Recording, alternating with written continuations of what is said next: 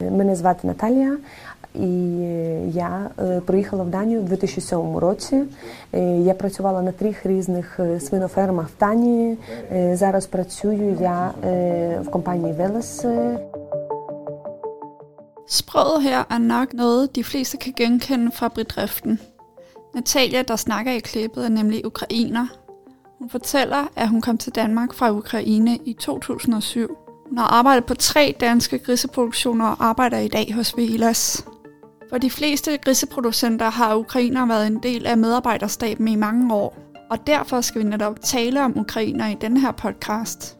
Mit navn er Søs Lindeborg.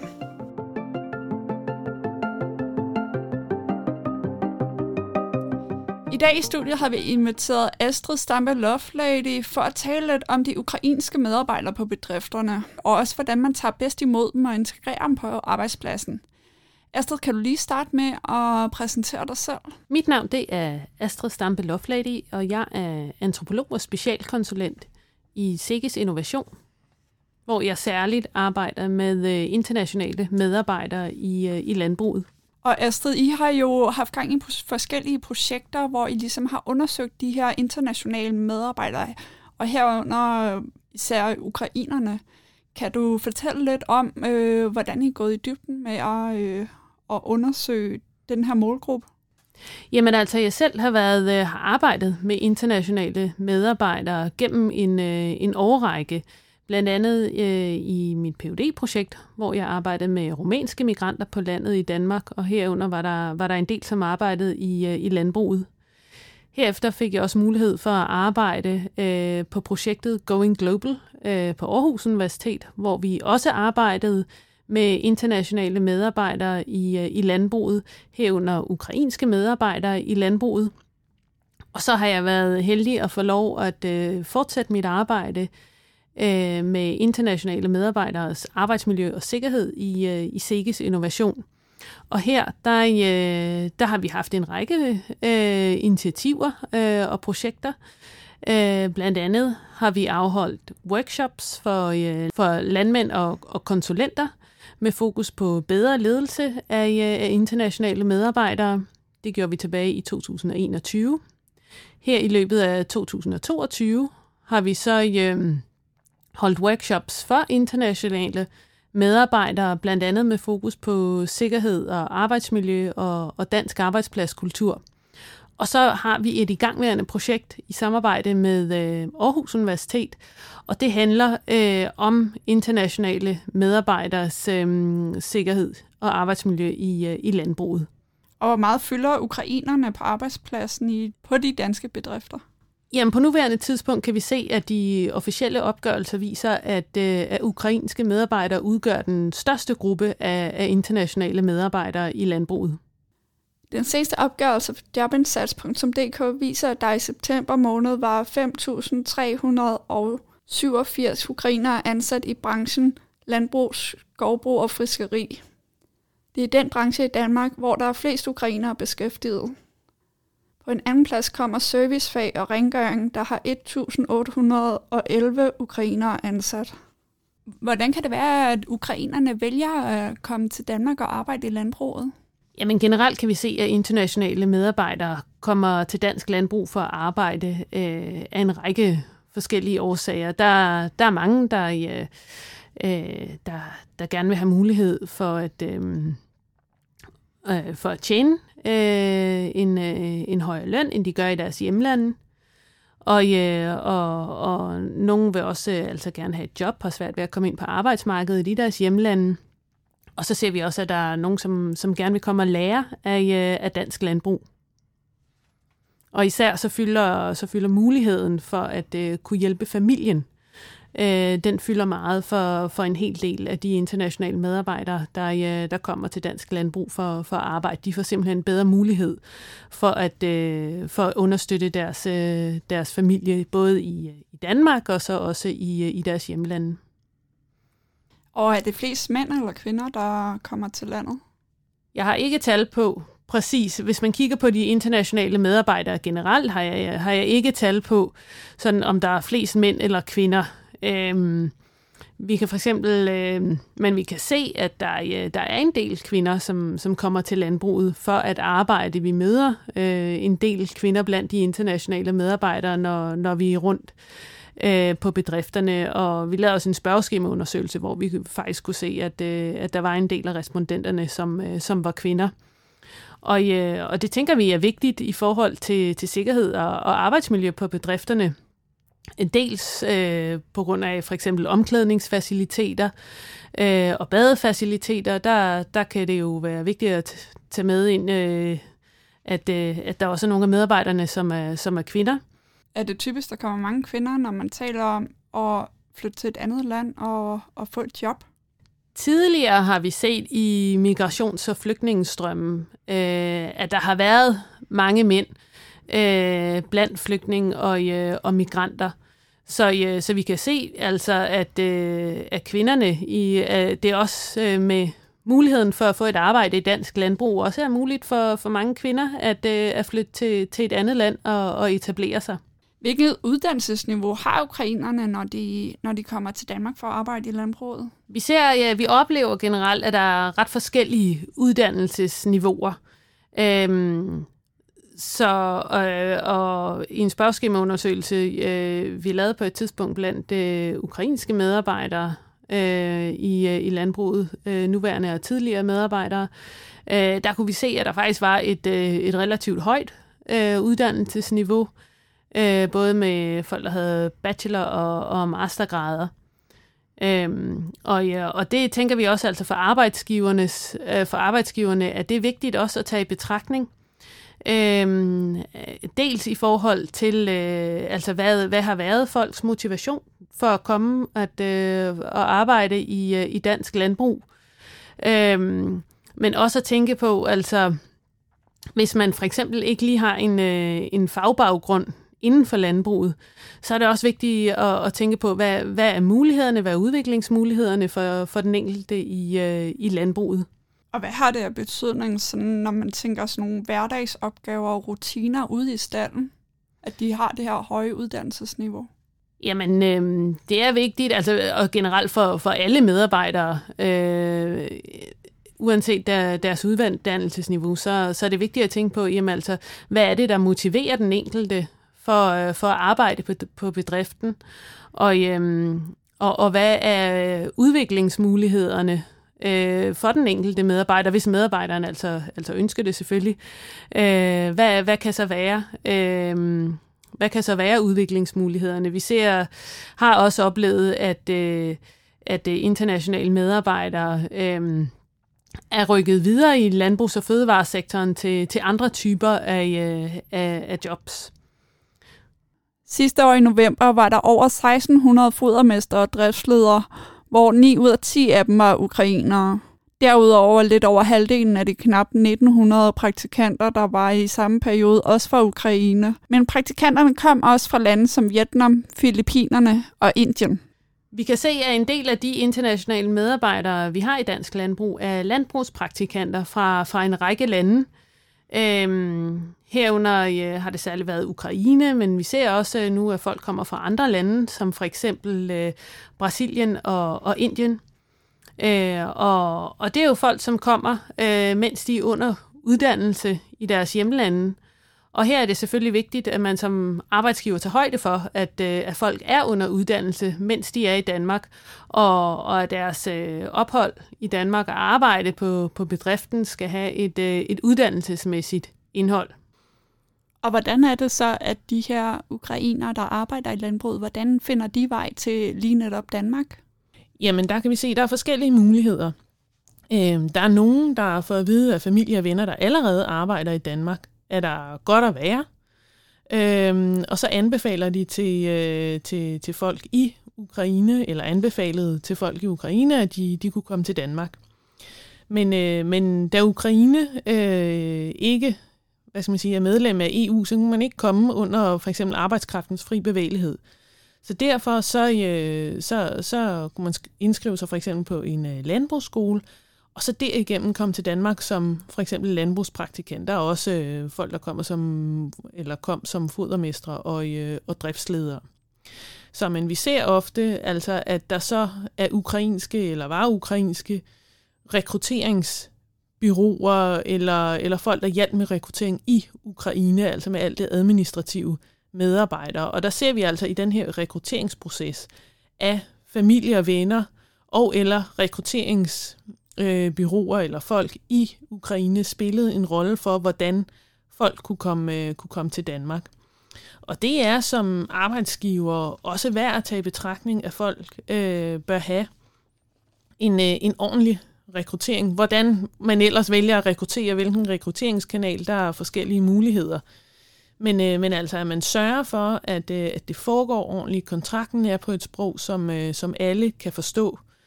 Øhm, og så, så jobkandidaten ved, hvad han eller hun går ind til i, øh, i Danmark, og er helt klar over de forhold, som, øh, som, man, som man bliver tilbudt, når man så kommer til Danmark.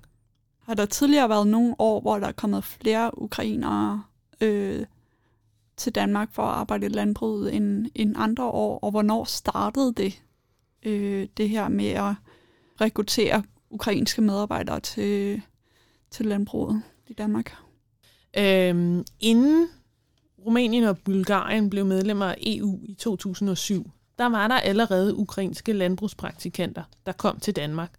Og der kunne vi så se, at øh, da man så fik mulighed for at rekruttere for eksempel fra, fra Rumænien, så begyndte man egentlig at rekruttere flere rumænske øh, medarbejdere til landbruget end ukrainere. Og det kan man sige, inden for EU's fri bevægelighed var det sådan egentlig lidt administrativt nemmere at, at ansætte EU-borgere end, øh, end borgere fra tredje lande som, øh, som Ukraine. Men der kan vi altså se nu, at, øh, at den største gruppe af internationale medarbejdere er fra, fra Ukraine. Så der har været sådan lidt skift i forhold til, øh, altså hvornår man har en, øh, ansat øh, flest ukrainere. Altså vi kan se, at der også efter øh, 2014, altså inden for de senere år, er sket en stigning i antallet af ukrainske medarbejdere i, øh, i landbruget.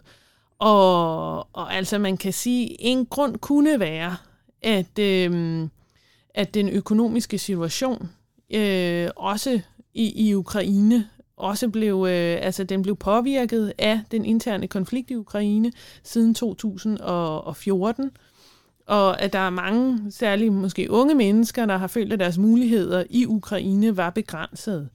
Og der er, der er en, mange af de unge ukrainer, der så forlod Ukraine, øhm, en del altså til Polen, som, øh, som jeg også har hørt om, øh, men altså så er der også en del, der er, der er kommet til Danmark.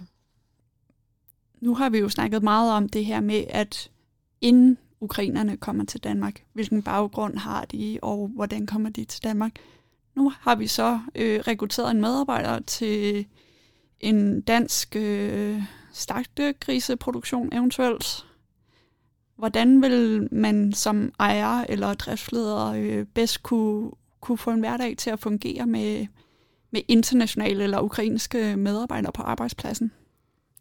Jamen altså først og fremmest, så kunne man begynde at tænke på, at introduktionen og inklusionen af den nye medarbejder allerede starter i rekrutteringsprocessen, inden medarbejderen starter på landbruget. Det vil sige, altså at man sørger for, at rekrutteringen øh, fungerer ordentligt, og, og medarbejderen får de informationer, som, øh, som medarbejderen skal have, og føler, at altså, det er et sted, som, øh, som man ser frem til, at den nye starter. Det tror jeg, vi, vi alle kender øh, hvis vi skal starte et nyt sted. Det er rart at vide, at, at folk på, på arbejdspladsen ser frem til, at man starter der, øh, og, og en start er forberedt. Så, så allerede på det tidspunkt kan man begynde at tænke i inklusion på arbejdspladsen. Man kan også spørge, jamen, altså, hvad, hvilken størrelse tøj og sko og, og sådan medarbejderen øh, bruger, så der er, er støvler og tøj klar i den rigtige størrelse, når medarbejderen starter på arbejdspladsen. Så når medarbejderen starter, er det vigtigt, at der er lagt en, øh, en god introduktionsplan. Øhm, og der, der ved vi, at nogle gange på grund af sproglige barriere, så kan introduktionen blive øh, overladt til folk, der har samme modersmål som den, som den nye medarbejder. Og det kan jo fungere fint. Men det er også vigtigt at være opmærksom på som, øh, som, som arbejdsgiver, at øh, det nye medarbejder så også får alle de øh, hvad skal man sige, informationer, som den nye medarbejder har, har brug for, altså får informationerne på de rette tidspunkter. Øhm, så, så det er også vigtigt, at man sørger for, at den, der skal oplære den nye medarbejder, også er klædt på til den opgave. Og så er det vigtigt at tænke i, i vi, altså på, på arbejdspladsen, så der ikke kommer sådan en os og dem fornemmelse, måske mellem de, øh, de eventuelt danske medarbejdere og de internationale medarbejdere. Det er vigtigt også i forhold til sådan noget som, som sikkerhed og, og arbejdsmiljø, at, øh, at man også som international medarbejder føler, at man er en del af den her sikkerhedskultur, og man, man er en del af, af arbejdsmiljøet, og også at der bliver stillet nogle forventninger og krav til en. Altså det er jo også en anerkendelse af, af et andet menneske og, og en anden medarbejder, at der bliver stillet krav til en, og det bliver forventet, at man er en del af fællesskabet, og man også lever op til, øh, til regler og forventninger til for eksempel sikkerhedssamarbejde, at man tager ansvar for sikkerhedssamarbejdet. Øhm, og det, vi ved godt, at, øh, at det er arbejdsgiveren, der har ansvaret for at sørge for, at medarbejdere kan arbejde sikkerhedsmæssigt forsvarligt. Men, men det er også vigtigt, at, at den enkelte føler, at man er, jeg er en del af det her, og det, det forventes også, at jeg tager ansvar for, for sikkerheden her på, på arbejdspladsen og for at opgaverne bliver, bliver løst ordentligt og, og, og korrekt. Så der er det for eksempel også vigtigt, altså nu, nu tænker vi meget i arbejdsopgaver og procedurer og sådan noget, men altså også, at man får sat ord på nogle af de her uskrevne øh, spilleregler, der kan være på en arbejdsplads. Nogle gange i Danmark, der kan vi godt have lidt en tendens til at forvente, at øh, sådan gør man jo. Øh, vi, vi er et lille, øh, forholdsvis homogent land, øh, med, øh, og, og i forhold til andre lande, der, øh, der er der måske ikke altid helt så stor diversitet mellem folk. Så, så vi er måske lidt vant til, at, øh, øh, at folk tænker lidt mere på, på samme måde, som, øh, som vi selv gør. Så, så vi ikke, jeg tror ikke altid, at vi er så gode til at få sat ord på alle de her uskrevne forventninger, vi har til hinanden. Og det, øh, det, det er rigtig vigtigt, særligt når der også er sproglige barriere, så er det vigtigt, at man er ekstra tydelig med, hvad er det, man forventer, så der ikke er noget mellem linjerne. Så det er vigtigt, at man den der med, øh, at man tænker, jamen sådan gør man jo, og det er det normale at gøre, den, den er man simpelthen nødt til at lægge lidt fra sig og stille sig i den øh, nye internationale medarbejders sko og tænke på, jamen, altså, hvad, skal man, hvad skal man sådan helt basalt vide for, for at være her? Og der er det jo sådan nogle med det, man kunne kalde nogle gange nogle kulturelle clashes, øh, at når man møder nogen, der har nogle andre idéer om, hvordan man øh, gebærder sig med hinanden i, øh, i hverdagen, så kommer nogle af de her, alle de her uskrevne forventninger, de kommer sådan op til overfladen. Og så er det der, vi begynder at, at, at tænke over, gud, jamen altså, der, der er nogle andre måder at, at se verden på her. Og der er det bare vigtigt, at man får sat ord på det her, fordi det er også med til at, øh, hvad skal man sige, løsne op for nogle af de konflikter, der potentielt kunne, kunne opstå øh, når man ser nogle gange verden på lidt forskellige måder. Er der nogle steder, man kan hente hjælp til ligesom at, at få en god integration af, af de her nye internationale og ukrainske medarbejdere? Jamen, øh, altså for eksempel på, på SIGES arbejdsmiljøside, der er der forskellige, øh, og, og ledelsesside, der er der forskellige forslag til, hvordan man øh, øh, oplærer folk ordentligt. Øhm, og, og ja, der er forskellige hjælp og hente rundt omkring hos, hos øh, lokale rådgivere også, som, øh, som har forslag til jamen, altså, checklister og, og oplæringsplaner og introduktionsplaner, hvad man, hvordan man kan gøre det bedst muligt.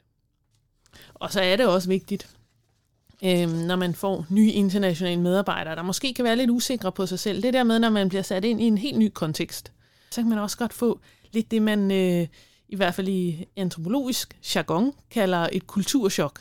Det, man bliver lidt desorienteret, når man kommer ind i sådan en ny kontekst. Øhm, der er forskellige måder at være sociale sammen på. Der er, man skal lære både Borger.dk og NemID og skat og alt sådan noget. Der er mange nye ting, man skal, forhandle, man skal sådan, øhm, forholde sig på, og man skal lære. Øh, og der går lige lidt tid, inden man vender sig til altså de nye spilleregler, det, øh, det, det nye sted. Og der er man også lidt sårbar, fordi så kommer man til også at begå øh, fejl. Øhm, og der er det vigtigt, at, øh, at man også er med til at skabe noget tryghed og anerkendelse, øhm, så den nye medarbejder også føler sig tryg i den nye kontekst. Og det kan man altså gøre ved også selv at vise lidt sårbarhed. Øhm, og selv at vise, at man også kan være lidt fejl, fejlbarlig selv. Hvilke udfordringer kan der være med de ukrainske medarbejdere, når det kommer til sprog? Ofte så hører vi, at øh, sprog det er en af de, øh, de største barriere i forhold til, til internationale arbejdspladser, hvor man er folk fra forskellige lande. Øhm, og, og der er det vigtigt at tænke over, jamen altså skal man have en sprogpolitik? Hvordan håndterer man de her, og hvordan håndterer man de her sprogbarriere? Vi kunne se i undersøgelsen, at der, øh, altså, øh, at der faktisk var en del, som aldrig havde været på, på sprogskole for at lære dansk. Øhm, og, øh, og nogen havde så været på sprogskole og var ikke mere, og nogen, øh, og, og nogen gik på sprogskole. Øhm, men, øh, men det er vigtigt at tænke over, hvordan man vil håndtere de her sprogbarriere. Skal man for eksempel have en, altså en sprogpolitik på arbejdspladsen? Skal der tales engelsk? Skal der tales dansk? Øh, altså arbejder man på, på hver sine, sine sprog? Øhm, og, ja, og det er også vigtigt at tage i betragtning, altså skal man for eksempel tilbyde sprogundervisning Øhm, og der har vi set, at, øh, at der er landbrug, der for eksempel har tilbudt sprogundervisning i arbejdstiden. Og der kan man som arbejdsgiver få noget refusion, hvis ens medarbejdere deltager i sådan noget sprogundervisning i arbejdstiden. Det kan være lidt en udfordring i forhold til, at der er en del internationale medarbejdere, øh, der når de kommer til Danmark, tænker, at de vil være i Danmark midlertidigt. Og det kan betyde, at øh, de ikke nødvendigvis prioriterer at vil øh, gå i gang med at lære dansk. Øhm, og så viser det sig så måske senere, at de gerne vil blive i Danmark og blive i Danmark øh, på lang sigt og eller permanent og etablere sig i Danmark med familie. Og på det tidspunkt, øhm, der ved vi, jamen, så, øhm, så, så er der mange, der tænker, at det vil egentlig være en god idé at, at lære dansk. Øh, og så, men så er der allerede, så kan det være, at man ud over den tid, hvor det vil være gratis at gå på sprogskole i Danmark. Så det skaber altså lidt nogle udfordringer i forhold til at, øh, at lære dansk. Men det er i hvert fald vigtigt, at når man får en ny med, international medarbejder, at man tænker over, hvordan vil jeg håndtere de her sproglige udfordringer. Også i forhold til, at der måske er nogle danske medarbejdere, der ikke er helt sikre i at øh, begå sig på engelsk. Og så ved jeg, at du har snakket om til mig om et eksempel tidligere, hvor der faktisk øh, nogle øh, bedrifter i et område, der er gået sammen omkring at få en underviser ud, øh, fordi jeg tænker, at nogle gange kan det jo også være geografisk svært for de her internationale medarbejdere at tage til undervisning, der måske ligger i en by øh, en times kørsel væk. Øh, men kan du lige prøve at fortælle mig om det, eller fortælle øh, lytterne omkring det eksempel, som, som vi har snakket om tidligere? Der, er, der var for eksempel et landbrug, som øh, gik sammen med et andet landbrug om at tilbyde sprogundervisning. Og det var faktisk en stor succes, så de to landbrug også øh, spillede fodbold mod hinanden. Så, så det er jo eventuelt noget, man kunne øh, overveje, hvis man står som, øh, som leder og synes, det er lidt meget, at man som enkelt bedrift skal, skal stå for det her store sprogskolearrangement selv, så kunne man eventuelt forhøre sig rundt omkring i lokalområdet, om der er andre, man kunne gå, man kunne gå sammen med for, øh, for at give tilbud til medarbejderne om at gå til, om at gå til dansk. Og så altså også prøve at gøre det lidt, øh, lidt hyggeligt eventuelt. Og så øh, et ret aktuelt emne, det er jo krigen, der haver i Ukraine lige nu. Øh, har man set øh, altså har man set, at der er kommet flere ukrainske medarbejdere i dansk landbrug efter krigen er udbrudt, eller hvordan forholder det sig øh, efter, efter der er kommet krig i Ukraine? Det vi kan se, det er, at der er nogle ukrainske fordrevne, der, øhm, der har fået arbejde på landbrug gennem familie eller venner, der allerede arbejdede på et landbrug. Så, så, og vi kan se, at landbruget er en af de sektorer, hvor, at, øh, hvor ukrainske fordrevne har fået jobs. Faktisk er der 930 ud af de 6.241 ukrainske fordrevne, der er startet i arbejde i landbrug skovbrug eller fiskeri, efter de er kommet til landet. Så vil jeg egentlig bare sige tak, fordi at du havde mulighed for at være med i dag, Astrid. Ja, tak. Tak fordi du lyttede med. Hvis du ønsker at være opdateret på den nyeste viden inden for griseproduktion, så husk at abonnere på vores kanal, Sikkes Gris, så du får en notifikation i din podcast-app næste gang vi udkommer med et nyt afsnit.